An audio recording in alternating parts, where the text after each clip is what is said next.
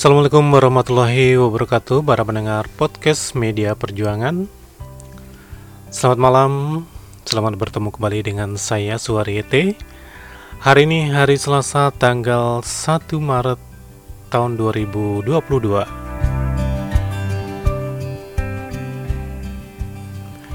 Ya setelah sekian lama kita tidak bersumpah, bersumpah, berjumpa dan bersua melalui podcast ini.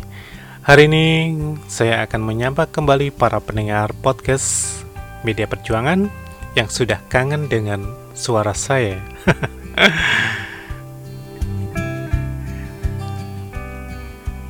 ya baik para pendengar, saya doakan semoga Anda yang mendengarkan podcast ini dalam keadaan sehat, tengah berkumpul dengan keluarga dan sedang bersantai tentunya sambil beraktivitas ringan setelah seharian tadi uh, berbagai macam pekerjaan telah kita selesaikan dan malam hari ini saatnya bersantai bersama keluarga dan bersama orang-orang yang Anda sayangi.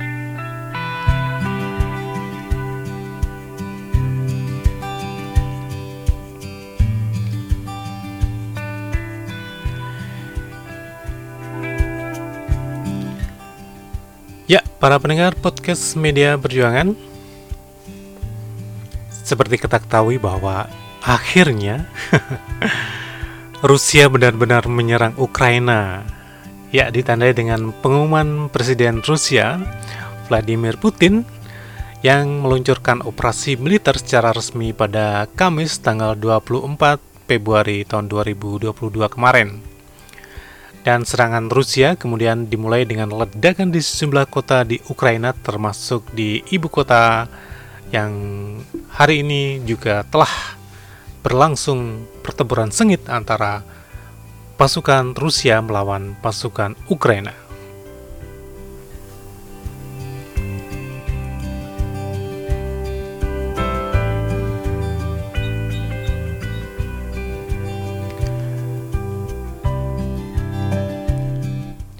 Ya para pendengar, sebetulnya apa sih yang diinginkan oleh Presiden Rusia Vladimir Putin tentang perang ini?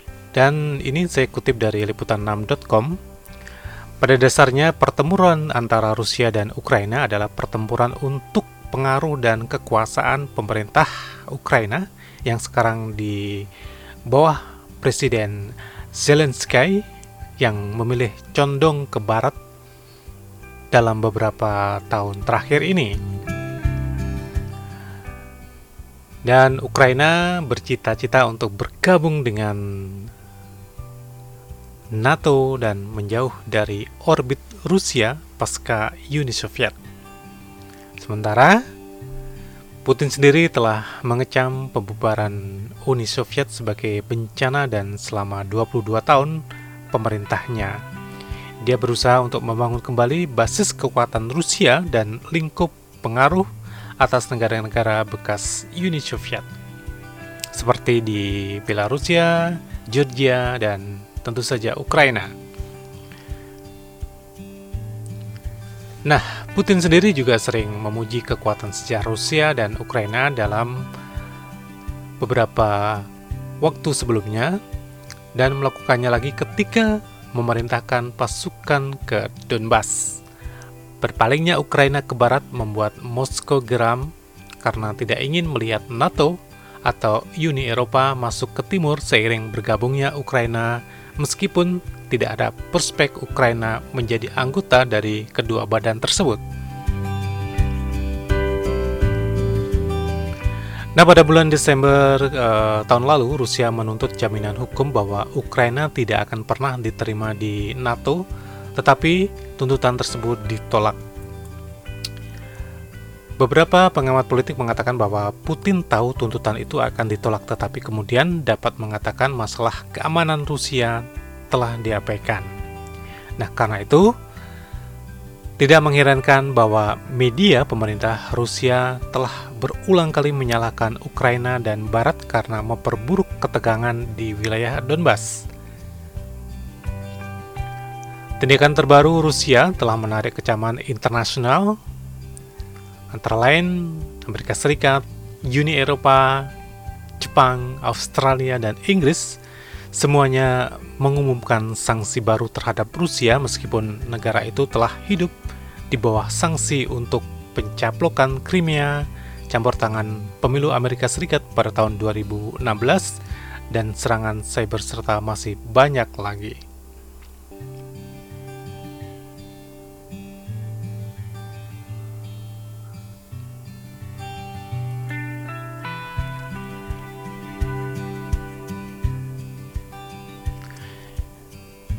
Nah teman-teman, para pendengar podcast Media Perjuangan, banyak pihak mengutuk serangan terhadap Ukraina yang dilakukan oleh uh, pemerintah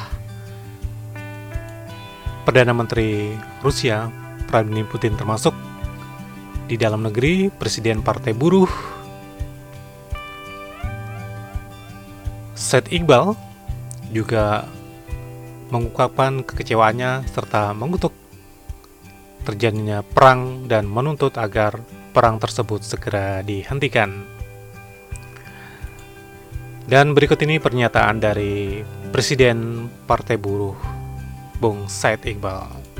Serikat Buruh dan Partai Buruh mengecam dan meminta pemerintah Rusia dan Ukraina untuk menghentikan perang. Di seluruh dunia, Partai Buruh dan Serikat-serikat Buruh anti dua hanya dua antinya. Satu, anti perang. Yang kedua, anti eksploitasi kaum buruh. Seluruh dunia selalu mengedepankan dua hal tersebut. Oleh karena itu, perang Rusia dan Ukraina harus dihentikan.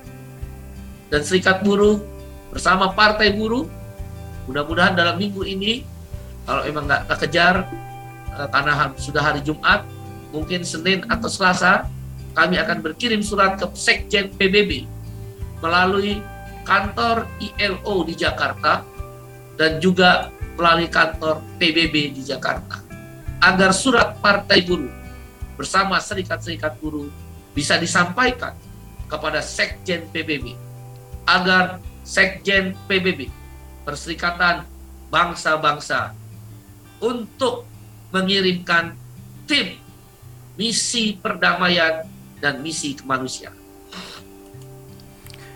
Ya, demikian pernyataan dari Presiden Partai Buruh, Bung Said Iqbal, tentang perang Rusia dan Ukraina dan beliau mendesak agar perang segera dihentikan. Sementara itu para pendengar podcast media perjuangan ini ada tulisan menarik yang saya kutip di mojo.com yang ditulis oleh Irwan Bajang Tulisan tersebut berjudul Presiden Ukraina, contoh telak pemimpin yang tidak tahu apa-apa.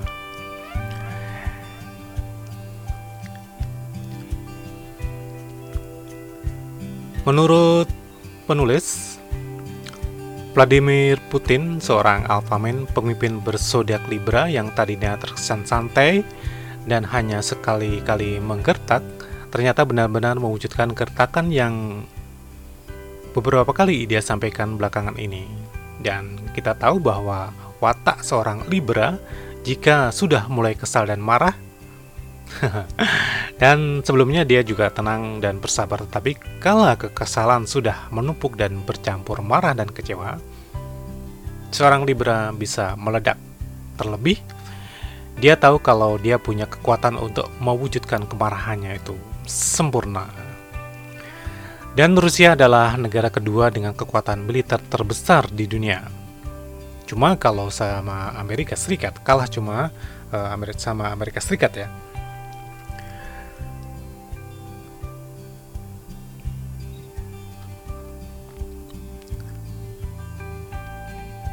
Dan Ukraina yang hanya sebagai negara kecil tetangga Rusia yang tidak sebanding secara kekuatan terhadap Rusia. Putin sendiri pun sedang menggertak pelan sedikit demi sedikit dan memberikan teror ketakutan yang lebih panjang dari kemampuan agresi yang dia miliki di negerinya.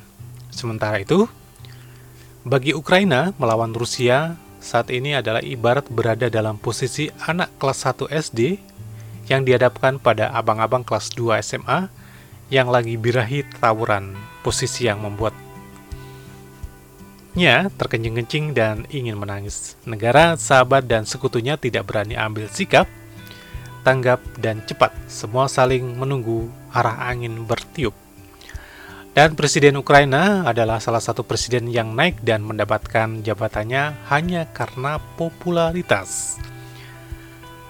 Seperti diketahui sebelumnya, dia lebih banyak dikenal sebagai seorang aktor komedi. Kemampuan memainkan kata lucu dan sindiran terhadap pemerintah yang telah membuatnya sukses mengerek popularitasnya hingga lebih mendapatkan 70% suara pada pemilu uh, di Ukraina. Tapi apalah artinya sebuah kemenangan dan piala jika kemenangan itu dipegang oleh seorang yang tidak punya kompetensi, kompetensi ya.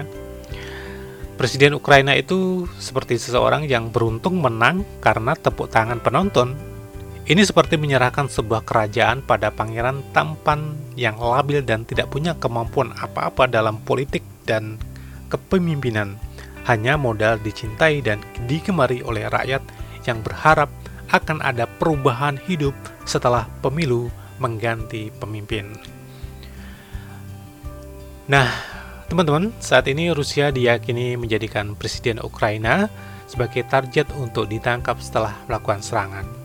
Beberapa pemerhati mengkhawatirkan pasukan Rusia akan mengunjungi uh, Kiev dengan kekuatan penuh dan mencoba menangkap Presiden Ukraina Zelensky. Dan jika tertangkap, ya tentu saja ini akan segera berlalu dan mungkin juga segera berakhir. Nah, di sini Presiden Ukraina adalah contoh telak seorang pemimpin yang tidak paham geopolitik, tidak bisa membaca sejarah secara terperinci. Dia memilih merengek kepada NATO, beberapa negara yang jauh darinya, bukan kawan lama sekaligus tetangganya yang bahkan punya kekuatan hampir setara dengan negara adidaya seperti Amerika.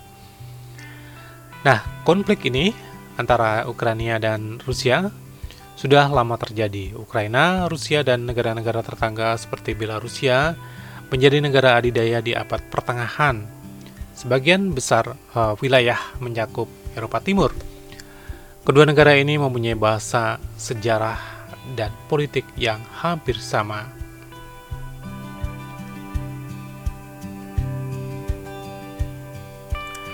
Nah teman-teman menjelang pemilihan umum beberapa waktu yang lalu dengan kocanya Zelensky, Presiden uh, Kroasia, Presiden Kroasia, Presiden Ukraina ya, yang saat ini menjabat menyebutkan bahwa cara membedakan dirinya dengan lawan Sembari menunjuk wajahnya sendiri, dia berkata, ini wajah baru. Saya belum pernah terjun ke politik. Saya tidak pernah menipu rakyat. Mereka mengidentifikasikan diri dengan saya karena saya terbuka, saya tersakiti, saya marah, saya kecewa. Kayaknya suka bercanda membuatnya dicintai sejak awal kampanye. Dia bukan pemimpin yang siap sedia menghadapi krisis besar, apalagi masa perang. Dia salah satu presiden yang terkenal lewat serial televisi dan film komedi. Begitulah jadinya sebuah negara yang mempertaruhkan kursi kepemimpinan kepada sosok yang populer, lucu semata, di situasi darurat, di situasi tegang, di mana pasukan musuh datang dan siap merampas. Kata-kata lucu tentu tidak bisa lagi menjadi obat bagi ketakutan Ukraina ibarat seorang tetangga dengan rumah kecil yang menolak bersahabat dengan tetangganya sendiri. Padahal, tetangganya masih terhitung, terhitung kerabat dekat. Sudah lama tinggal di komplek itu pula. Ukraina memilih bergabung dengan klub lari pagi kecamatan sebelah dibandingkan bergabung dengan tim sekomplek yang lebih kompak dan lebih humoris. Ada sedikit rasa angkuh di sana. Kedamaian memang sudah menyerkap Eropa selama 80 tahun namun hanya pemimpin bodoh yang tidak memasukkan kemungkinan perang dalam rencana kerjanya.